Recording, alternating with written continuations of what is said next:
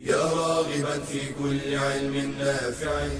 ينمو العلم ويتقدم بتقنياته ومجالاته ومعه نطور أدواتنا في تقديم العلم الشرعي. أكاديمية زاد. زاد أكاديمية ينبوعها. صاف صاف ليروي غلة الظمآن. والسيرة العلياء عطرة الشدى. طيب يفوح لأهل كل زمان. بشرى لنا زاد أكاديمية للعلم كالأزهار في البستان. إن الحمد لله نحمده ونستعينه ونستغفره ونستهديه ونعوذ بالله من شرور أنفسنا وسيئات أعمالنا. من يهده الله فلا مضل له ومن يضلل فلا هادي له. وأشهد أن لا إله إلا الله وحده لا شريك له وأشهد أن نبينا محمدا عبده ورسوله الداعي إلى رضوانه صلى الله عليه وعلى آله وأصحابه وإخوانه ومن دعا بدعوته واستنى بسنته واهتدى بهديه إلى يوم الدين. وبعد فأرحب بإخواني وأخواتي من طلاب العلم وطالبات العلم في برنامج أكاديمية زاد في المستوى الثاني وفي دورته الثانية ونحن نتدارس سيرة النبي صلى الله عليه وسلم وفي مجال الشمائل المحمدية. وما زلنا مع دراسة الشمائل المحمدية شمائله خصاله وسماته وصفاته وأحواله وهديه وصورته الخلقية وصورته الخلقية صلى الله عليه وسلم وهديه الذي كان عليه الصلاة والسلام. آه اليوم بإذن الله عز وجل آه سنتحدث سويا عن لبس رسول الله صلى الله عليه وسلم للخف، لبس الرسول صلى الله عليه وسلم للخف. ونؤكد مرة أخرى على الأصل فيما يتعلق بالملبوسات سواء كانت نعالا أو خفا أو جوربا أو ثوبا أو عمامة أن الأصل في اللباس الإباحة أن الأصل في اللباس الإباح الإباحة ولا يمنع منه إلا ما جاء النهي عنه في شريعة في شريعة الله في الشريعة سواء من كتاب أو سنة. فإذا ورد النهي عن نوع من الألبسة أو لون من الألوان أو في هيئة هذا اللبس وفي طريقته فهنا يكون التحريم. وإلا الأصل في اللباس الإباحة والحل. ولبس النبي صلى الله عليه وسلم الخف الخف وصلى في خفه صلى الله عليه وسلم ومسح عليهما قبل ذلك. ف يعني مما أثر عن رسول الله صلى الله عليه وسلم الإباحة وأنه لا إشكال في أن يلبس الإنسان الخف. والخف هو يعني جمع تجمع على خفاف وهي المعروفة التي تصنع من الجلد. تصنع من الجلد وتغطي الرجل والقدم كاملة تغطي القدم كاملة. ومنها من يعني يزيد فوق الكعب كثيرا حتى يصل إلى يعني يشرع في الساق كثيرا. فهذه هي الخفاف المصنوعة من الجلد. وتقي القدم أثناء السير ويحتاج إليها كثيرا. يقول المغيرة بن شعبة رضي الله تعالى عنه أهدى دحية الكلبي لرسول الله صلى الله عليه وسلم خفين فلبسهما. المغيرة بن شعبة وهو من أبطال الصحابة رضي الله تعالى عنهم يحكي أن دحية الكلبي وهو صحابي جليل بل من أجمل الصحابة صورة رضي الله عنه. وكان جبريل عليه السلام إذا جاء في صورة بشر إنسان وهي صورة من صور الوحي للنبي صلى الله عليه وسلم أنه يأتي في صورة دحية الكلبي. رضي الله تعالى عنه لجمال صورته وحسنها. فدحية رضي الله تعالى عنه أهدى لرسول الله صلى الله عليه وسلم خفين خفين. وفي هذا يعني جواز الهدية بل واستحباب الهدية وأنها سبب للتواد وللتحاب بين الناس تهادوا تحابوا ولا يعني يحتقر الإنسان هدية يعني الخف. أهدى هذا الصحابي رضي الله عنه. لرسول الله خفا ربما أنه رأى أن النبي صلى الله عليه وسلم يحتاج إلى خف فأهدى له هذا الخف قال الراوي فلبسهما.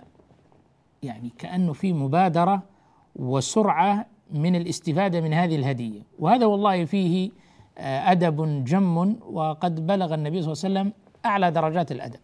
فيه تطيب لخاطر الإنسان الذي أهدى الهدية فإنه حينما يراها على الشخص الذي أهديت إليه فإن المهدي يفرح كثيرا ويسر كثيرا حينما يرى هديته قد استفيد منها سريعا. وهذا يعني فيه قبول الهدية وأيضا سرعة الاستفادة من هذه الهدية لما فيه تطيب لخاطر آه، الشخص المهدي. ففي هذا الحديث أن النبي صلى الله عليه وسلم لبس الخف أنه لبس الخف بل أنه توضأ صلى الله عليه وسلم ومسح على الخف مسح على ظاهري الخف. ولا يمسح على باطنهما صلى الله عليه وسلم.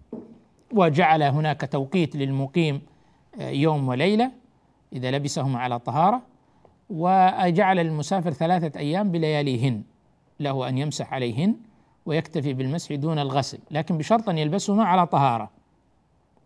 وهذا من تيسير الشريعة على الناس. يريد الله بكم اليسر ولا يريد بكم العسر. فالنبي صلى الله عليه وسلم لبس الخف ومسح عليه وصلى به صلى الله عليه وآله وسلم. نعل رسول الله صلى الله عليه وسلم، النعل هي الحذاء، هي الحذاء التي تلبس وتوقى بها القدم من آه الأرض. فعن قتادة رضي الله عنه قال قلت لأنس بن مالك رضي الله عنه كيف كان نعل رسول الله صلى الله عليه وسلم؟ يعني يسألون حتى عن يعني شكل النعل مما يصنع هذا النعل كيف كان يلبس نعله صلى الله عليه وسلم. وهذا من شدة محبتهم له صلى الله عليه وسلم. ويعني آه، آه، أنه بلغ في نموسهم مبلغا عظيما ومكانة جليلة حتى يسألون عن أدق التفاصيل من أحواله صلى الله عليه وسلم. كيف كان نعل رسول الله صلى الله عليه وسلم؟ فقال لها قبالان. قبالان القبال هو زمام النعل السير الذي بين الأصبعين. السير الذي بين الأصبعين إذا أدخل قدمه في النعل فيكون هذا السير بين الأصبعين هذا يسمى قبالان قبالان بين الأصبعين وفي الصحيحين عن عبيد بن جريج أنه قال لابن عمر رضي الله عنه رأيتك تلبس النعال السبتية قال إني رأيت رسول الله صلى الله عليه وسلم يلبس النعال التي ليس فيها شعر ويتوضأ فيها فأنا أحب أن ألبسهما. ابن عمر رضي الله عنه عبد الله بن عمر بن الخطاب أبو عبد الرحمن رضي الله عنهما كان شديد التأسي برسول الله صلى الله عليه وسلم ويقتفي آثاره عليه الصلاة والسلام في كل شأنه إلا ما ورد باختصاص رسول الله صلى الله عليه وسلم به. ومن ذلك أنه رأى النبي صلى الله عليه وسلم يلبس النعال السبتية وهي النعال التي ليس فيها شعر فإن في بعض آه، النعال يوجد ما له شعر وبعضها منزوع الشعر آه، وهي السيور التي تكون من جلد البقر المدبوغة. جلد البقر بعد أن تدبغ ويزال ما عليه من شعر ثم تكون هذه السيور هذه النعال السبتية. فالرجل يسأل عبد الله بن عمر أنك تلبس هذه النعال السبتية التي ليس فيها شعر؟ فأخبره أنه رأى حبيبه صلى الله عليه وسلم يلبس هذا النوع من آه، النعال بل أنه يتوضأ فيها. يعني يحتمل يتوضأ فيها أنه يغسل رجله وهي في النعل. والاحتمال الثاني أنه يغسل رجله ثم يدخلها بعد ذلك في النعل. وكان يصلي صلى الله عليه وسلم أحيانا في نعاله عليه الصلاة والسلام قال عبد الله بن عمر فأنا أحب أن ألبسهما. يعني برر تفضيله لهذا النوع من النعال لأن رسول الله صلى الله عليه وسلم كان يحب أن يلبسهما فلذلك هو يحبهما. وعن عمرو بن حريث رضي الله عنه قال رأيت رسول الله صلى الله عليه وسلم يصلي في نعلين مخصوفتين. ما المقصود بمخصوفتين؟ بعد الفاصل نتعرف على معنى مخصوفتين. بشرى لنا زاد أكاديمية للعلم كالأزهار في البستان.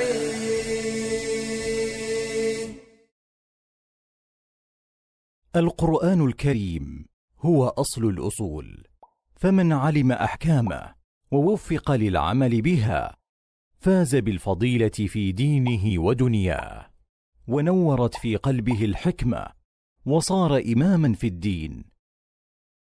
وقد كان العلماء سلفا وخلفا يبدأون طلب العلم بحفظ القرآن. قال ابن عبد البر ولا أقول إن حفظه كله فرض ولكن ذلك شرط لازم على من أحب أن يكون عالما فقيها. وطالب العلم يحرص على فهم القرآن وتعلم معانيه. قال سعيد بن جبير من قرأ القرآن ثم لم يفسره كان كالأعمى أو كالأعرابي وبالتدبر يستنبط الدقائق والأحكام ويستطيع تطبيق القرآن على الواقع بشكل صحيح وبه يحصل الخشية والخشوع. قال تعالى كتاب أنزلناه إليك مبارك ليدبروا آياته وليتذكر أولو الألباب. لذا ينبغي أن نهتم بمدارسة القرآن في المساجد والمدارس والدور المتخصصة في تحفيظ القرآن وتعليمه وينبغي أن نستخدم التكنولوجيا الحديثة في تعلم القرآن وتعليمه من خلال الإنترنت والفضائيات. فاعلم يا طالب العلم أن القرآن الكريم هو رأس مالك وهو أربح التجارات. قال تعالى إن الذين يتلون كتاب الله وأقاموا الصلاة وأنفقوا مما وأنفقوا مما رزقناهم سرا وعلانية يرجون تجارة لن تبور. بشرى لنا زاد أكاديمية للعلم كالأزهار في البستان. الحمد لله.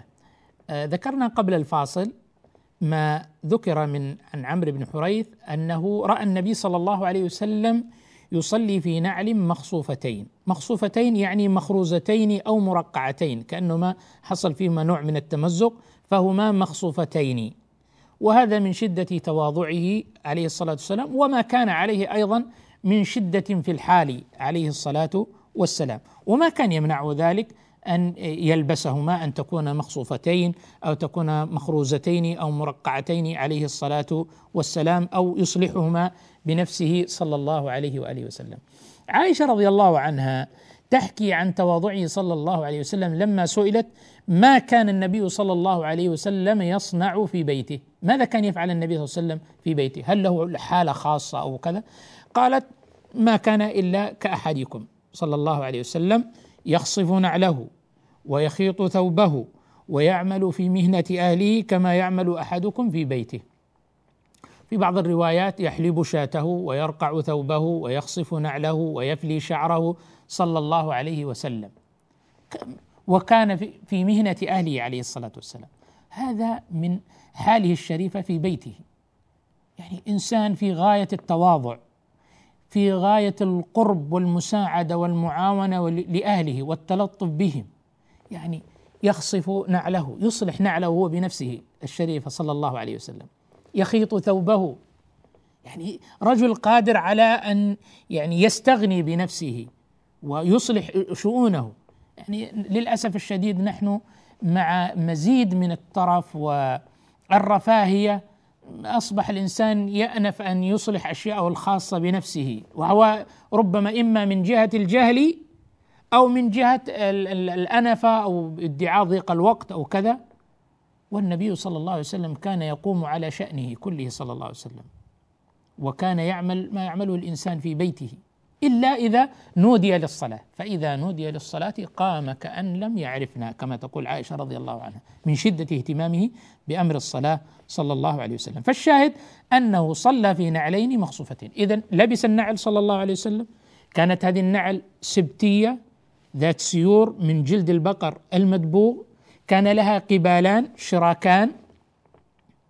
كان أحيانا يطرأ عليها بعض الاهتراء ويحتاج إلى خصف أو خرز أو إصلاح. فكان يقوم بذلك صلى الله عليه وسلم. توضأ فيها صلى الله عليه وسلم في النعلين. صلى فيهما عليه الصلاة والسلام ودل على ذلك ودلت على ذلك سنته القولية والعملية. فإنه آه، أمر بالصلاة في النعال وأيضا صلى الله عليه وسلم صلى في نعاله. ولكن هذا يعني يصلح إذا كانت الأرض صلى الإنسان في صحراء أو كان المسجد آه، من حصى أو حصباء أو تراب فإنه يصلي. أما الآن بعد أن يعني بيوت الله في غاية النظافة من السجاد الفاخر النظيف الذي يهتم بنظافته غاية الاهتمام فإنه لا يصلح الإنسان يعني أن يفسدها بأن يأتي يصلي بنعله وقد يكون فيه شيء من الأذى أو ما تتسخ به أرضية آه، آه، وفراش المسجد. لكن يشرع الانسان لو كان في سفر لو كان في صحراء لو كان واقفا في مكان يصلي على بلاط مثلا أو غيره فإنه يجوز له أن يصلي آه، في نعليه. وقد أمر بذلك النبي صلى الله عليه وسلم وأيضا مخالفة لليهود عليه الصلاة والسلام. طيب مساله المشي في نعل واحدة. ورد النهي من النبي صلى الله عليه وسلم أن يمشي الإنسان في نعل واحدة بمعنى يلبس رجل يعني رجل أو قدم فيها نعل والأخرى حافية. نهى النبي صلى الله عليه وسلم عن ذلك. عن أبي هريرة رضي الله عنه أن رسول الله صلى الله عليه وآله وسلم قال لا يمشي أحدكم في نعل واحدة. لينعل لينعلهما جميعا يعني ينتعلان اثنين جميعا القدمين أو ليحفهما جميعا. إما أن تلبس النعلين أو أن تكون حافيتين. أما أنك تجعل النعل في قدم واحدة والأخرى ليس فيها فذلك منهي عنه. أخرجه البخاري ومسلم. وعن جابر رضي الله عنه أن النبي صلى الله عليه وآله وسلم نهى أن يأكل الرجل بشماله أو يمشي في نعل واحدة. أخرجه مسلم. أن يأكل الرجل بشماله أو يشرب بشماله. هذا منهي عنه. والكثير على أن النهي هنا للتحريم وليس للكراهة أو التنزيه لا بل أنه لا يجوز أن يشرب الإنسان بشماله ولا يجوز أن يأكل بشماله. ذلك نهي. ولا عبرة لمن يقول انه ذلك من باب الموضة فإن النبي صلى الله عليه وسلم نهى عن ذلك. الإنسان إذا أراد أن يأكل يأكل بيمينه إذا أراد أن يشرب يشرب بيمينه كما أمر النبي صلى الله عليه وسلم ونهى عن أن يشرب الإنسان بشماله أو يأكل بشماله فإن الشيطان يأكل بشماله ويشرب بشماله. وأيضا ال ال يعني من الحكمة أيضا من النهي أن النبي صلى الله عليه وسلم نهى عن ذلك الا يتشبه الإنسان بالشيطان. الا يتشبه الإنسان بالشيطان فإن الشيطان يمشي في نعل واحدة.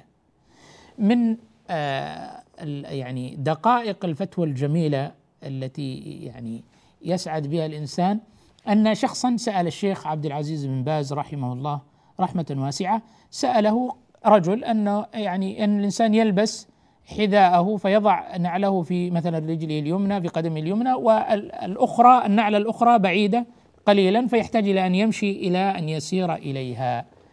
فهل يجوز له ذلك؟ فقال له الشيخ عبد العزيز بن باز رحمه الله تعالى رحمة واسعة إن استطعت ألا تخالف السنة ولو في خطوة واحدة فافعل. إن استطعت ألا تخالف سنة النبي صلى الله عليه وسلم ولو في خطوة واحدة فافعل. وهذا من حرصه رحمه الله وعنايته بالسنة واحتفاء به وحبها لها. وهكذا المؤمن يا إخواني يحرص على الاقتداء ولو بخطوة واحدة. لا تستقل شيئا. تقرب إلى الله زلفى باتباع سنة النبي صلى الله عليه وسلم. واعلم أن الخير كل الخير في اتباع سنته صلى الله عليه وسلم. وأن الشر كل الشر في مخالفة هدي النبي صلى الله عليه وسلم حتى في الأمور يحرص الإنسان قدر استطاعته في الأمور الواجبة والأمور المستحبة والمسنونة والمباحة حتى في المباحات من استطاع أن يعني يكون أكثر الناس اتباعا لهدي رسول الله صلى الله عليه وسلم فذلك والله هو الخير العظيم الذي من وفق إليه فقد وفق إلى خير كثير. هذا الحكم فيما يتعلق بلبس النعال وهذا يشمل الرجل والمرأة فهما في ذلك سواء في هذا الحكم من جهة جواز لبسهما المسح عليهما آه، الوضوء فيهما آه، الصلاة آه، بهما أن يبدأ أن ألا يعني يلبس واحدة ويترك الأخرى وإنما يعني يلبسهما يدخل رجليه في نعليه جميعا أو يحفيهما يعني يتركهما بدون نعال أكرمكم الله. من الهدي النبوي والسنة النبوية آه، الكريمة في هذا الباب أن الإنسان إذا انتعل فإنه يبدأ بيمينه ثم شماله. عن أبي هريرة رضي الله عنه أن النبي صلى الله عليه وسلم قال إذا انتعل أحدكم فليبدأ باليمين أراد أن يلبس نعله يبدأ باليمين القدم اليمنى. وإذا انتزع أراد أن يخرج قدميه من نعاله فليبدأ بالشمال. فليبدأ بالشمال ليكن اليمنى أولهما تنعل وآخرهما تنزع. أخرجه البخاري ومسلم واللفظ للإمام البخاري. إذا هذا حتى في الهدي الدقيق جدا. يعني لما تلبس النعل بماذا تبدأ؟ بأي قدم؟ تبدأ بالقدم اليمنى ثم اليسرى.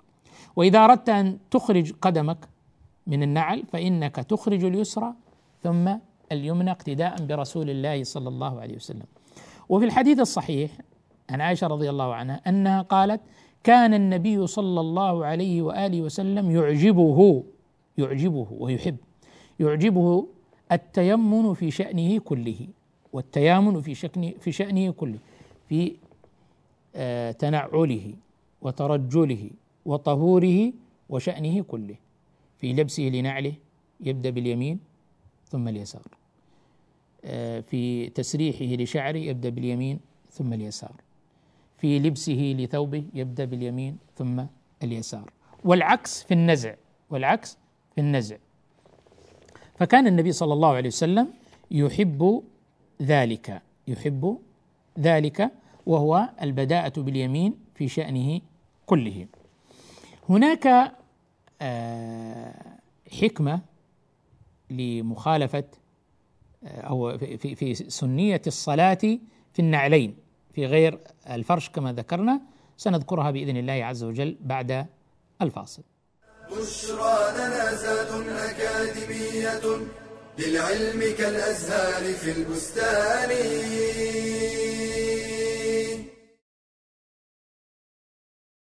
التعليم في الصغر كالنقش على الحجر. إنه كلام صحيح. ولكن ذلك لا يعني حرمان كبار السن من طلب العلم. ولا ييأس كبير السن من التعلم. فإذا علم الله منه حسن النية وفقه لجمع العلم الكثير في الزمن القليل. ولا يستحي كبير السن من الجلوس في حلق العلم مع الصغار. قال مجاهد لا يتعلم العلم مستحي ولا مستكبر. وزامل ابن الجوزي ابنه في تعلم القراءات العشر وهو ابن ثمانين سنة. فانظر إلى هذه الهمة العالية. وقد تعلم أصحاب النبي صلى الله عليه وسلم في كبر سنهم. وكذا كثير من العلماء كابن حزم والكسائي والعز بن عبد السلام. ولان يتعلم المسن خير من أن يستمر على التفريط. سأل مسن أيحسن بمثل أن يتعلم؟ فقيل له لأن تموت طالبا للعلم خير من أن تموت قانعا بالجهل. وليعلم الكبير والصغير أن أبواب العلم مفتحة للراغبين. قال تعالى والذين جاهدوا فينا لنهدينهم سبلنا. وان الله لمع المحسنين.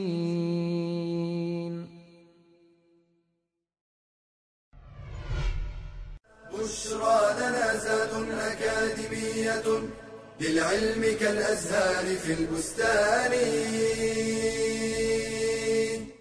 الحمد لله. هناك حكمة في الصلاة في النعل وأشار إليها النبي صلى الله عليه وسلم.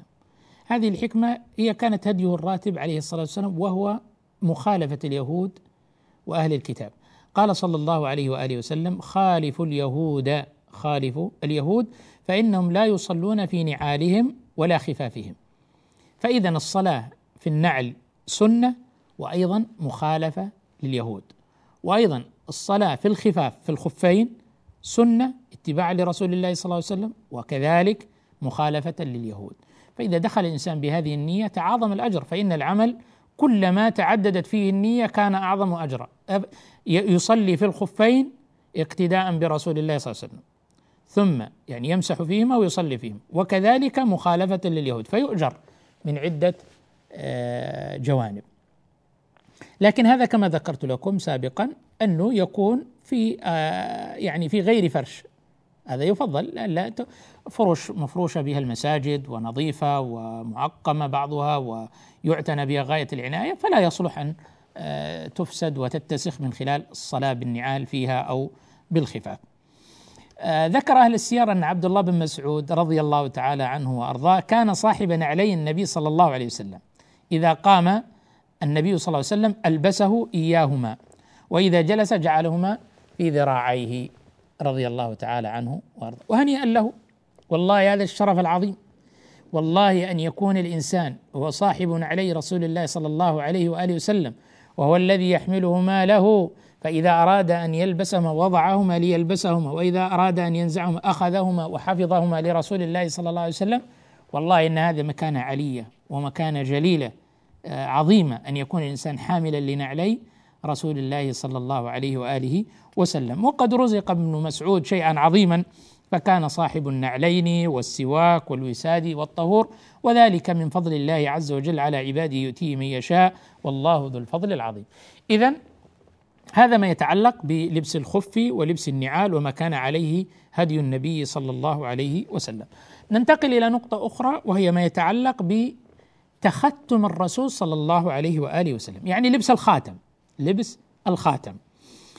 عن أنس بن مالك رضي الله عنه قال كان خاتم النبي صلى الله عليه وسلم من ورق، إيش يعني من ورق؟ يعني من فضة، كان خاتم النبي صلى الله عليه وسلم من ورق يعني من فضة وكان فصه حبشيا رواه مسلم. الفص هو الجزء الأعلى من الخاتم ويكون من غير الخاتم ويكون منه، ماذا يعني ذلك الكلام؟ ماذا يعني هذا الكلام؟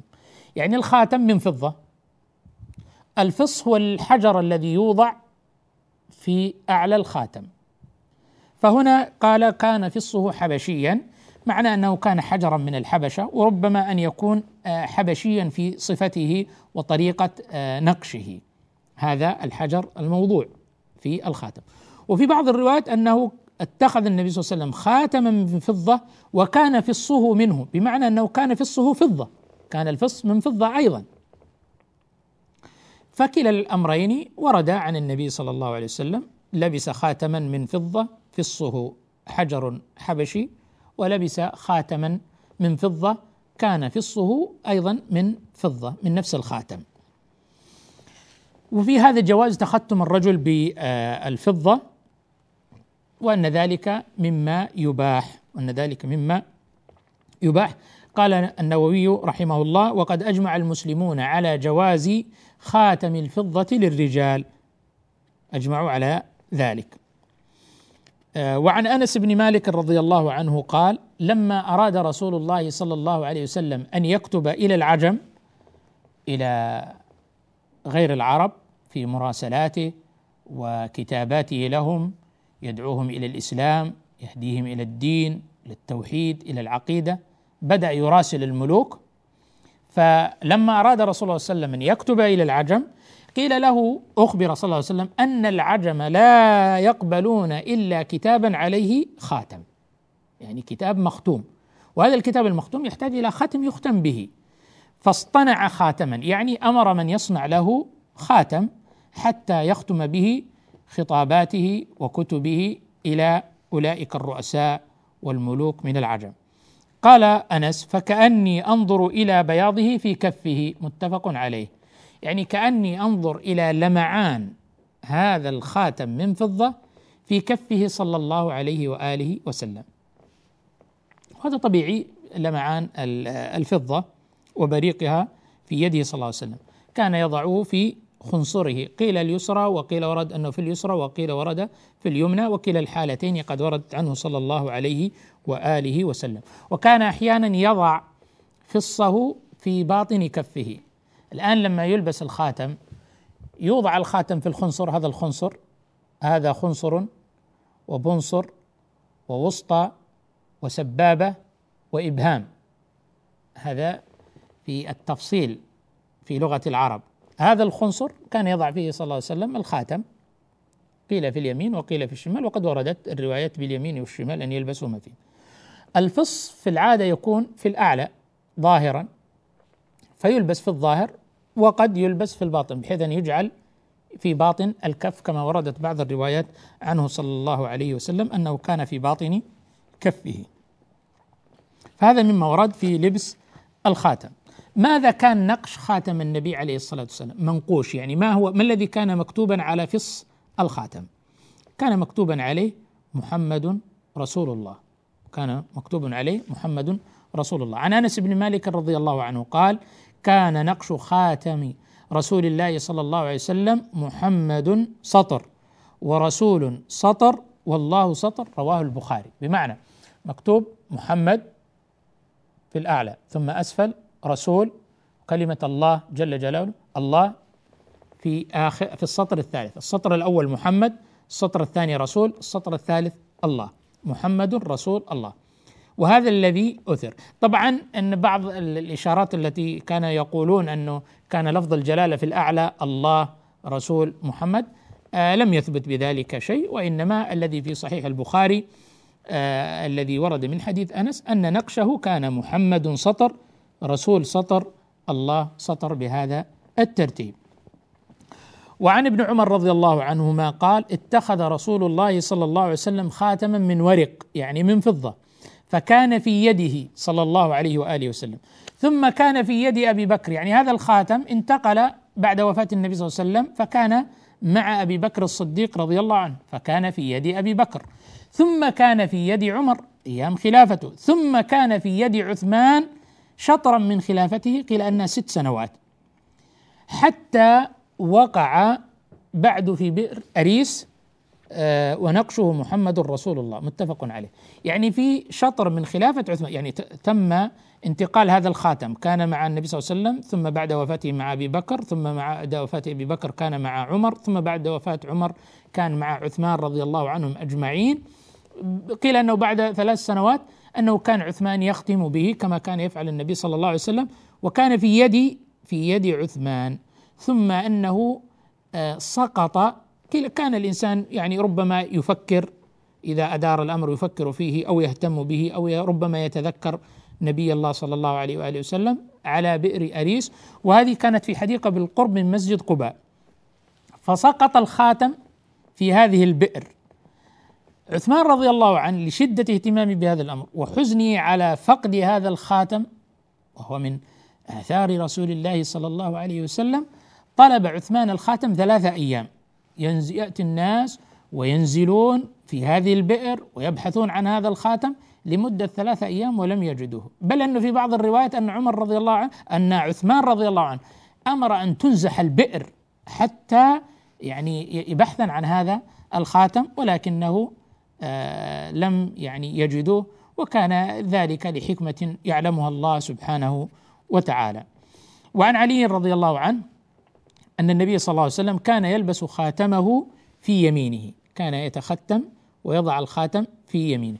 طبعا بعض الروايات آه، تقول أنه عثمان آه، جعل هذا الخاتم مع معيقيب بعد ست سنوات من خلافته لكثرة آه، يعني الاحتياج إلى الختم هذا فكان معه فسقط منه بغير قصد والله المستعان. حكم لبس خاتم الفضة للرجال كما ذكرنا أن ذلك مباح وليس ذلك بسنة. يعني لبس الخاتم ما هو سنة. ما يقول الإنسان أن ألبسه سنة. آه، يؤجر على نيته ومحبته لرسول الله صلى الله عليه وسلم. ولكن هذا العمل ما ليس بسنة. فأصل تشريعي أن النبي صلى الله عليه وسلم ما لبسه إلا لما قيل له أن العجم لا تقبل كتابا إلا بخاتم فاصطنع خاتما صلى الله عليه وسلم يختم به كتبه إلى آه، ملوك ورؤساء العجم. فلم يقصد به النبي صلى الله عليه وسلم القربى. نسأل الله سبحانه وتعالى أن يرزقنا محبته صلى الله عليه وسلم وأن يكون أحب إلينا من أنفسنا وأهلينا وأموالنا وأولادنا وأن يرزقنا شفاعته ومرافقته في الجنة. والحمد لله رب العالمين. تلك العلوم دروسها ميسورة. في صرح علم الراسخ الأركان. بشرى لنا بشرى لنا بشرى لنا زاد أكاديمية للعلم كالأزهار في البستان.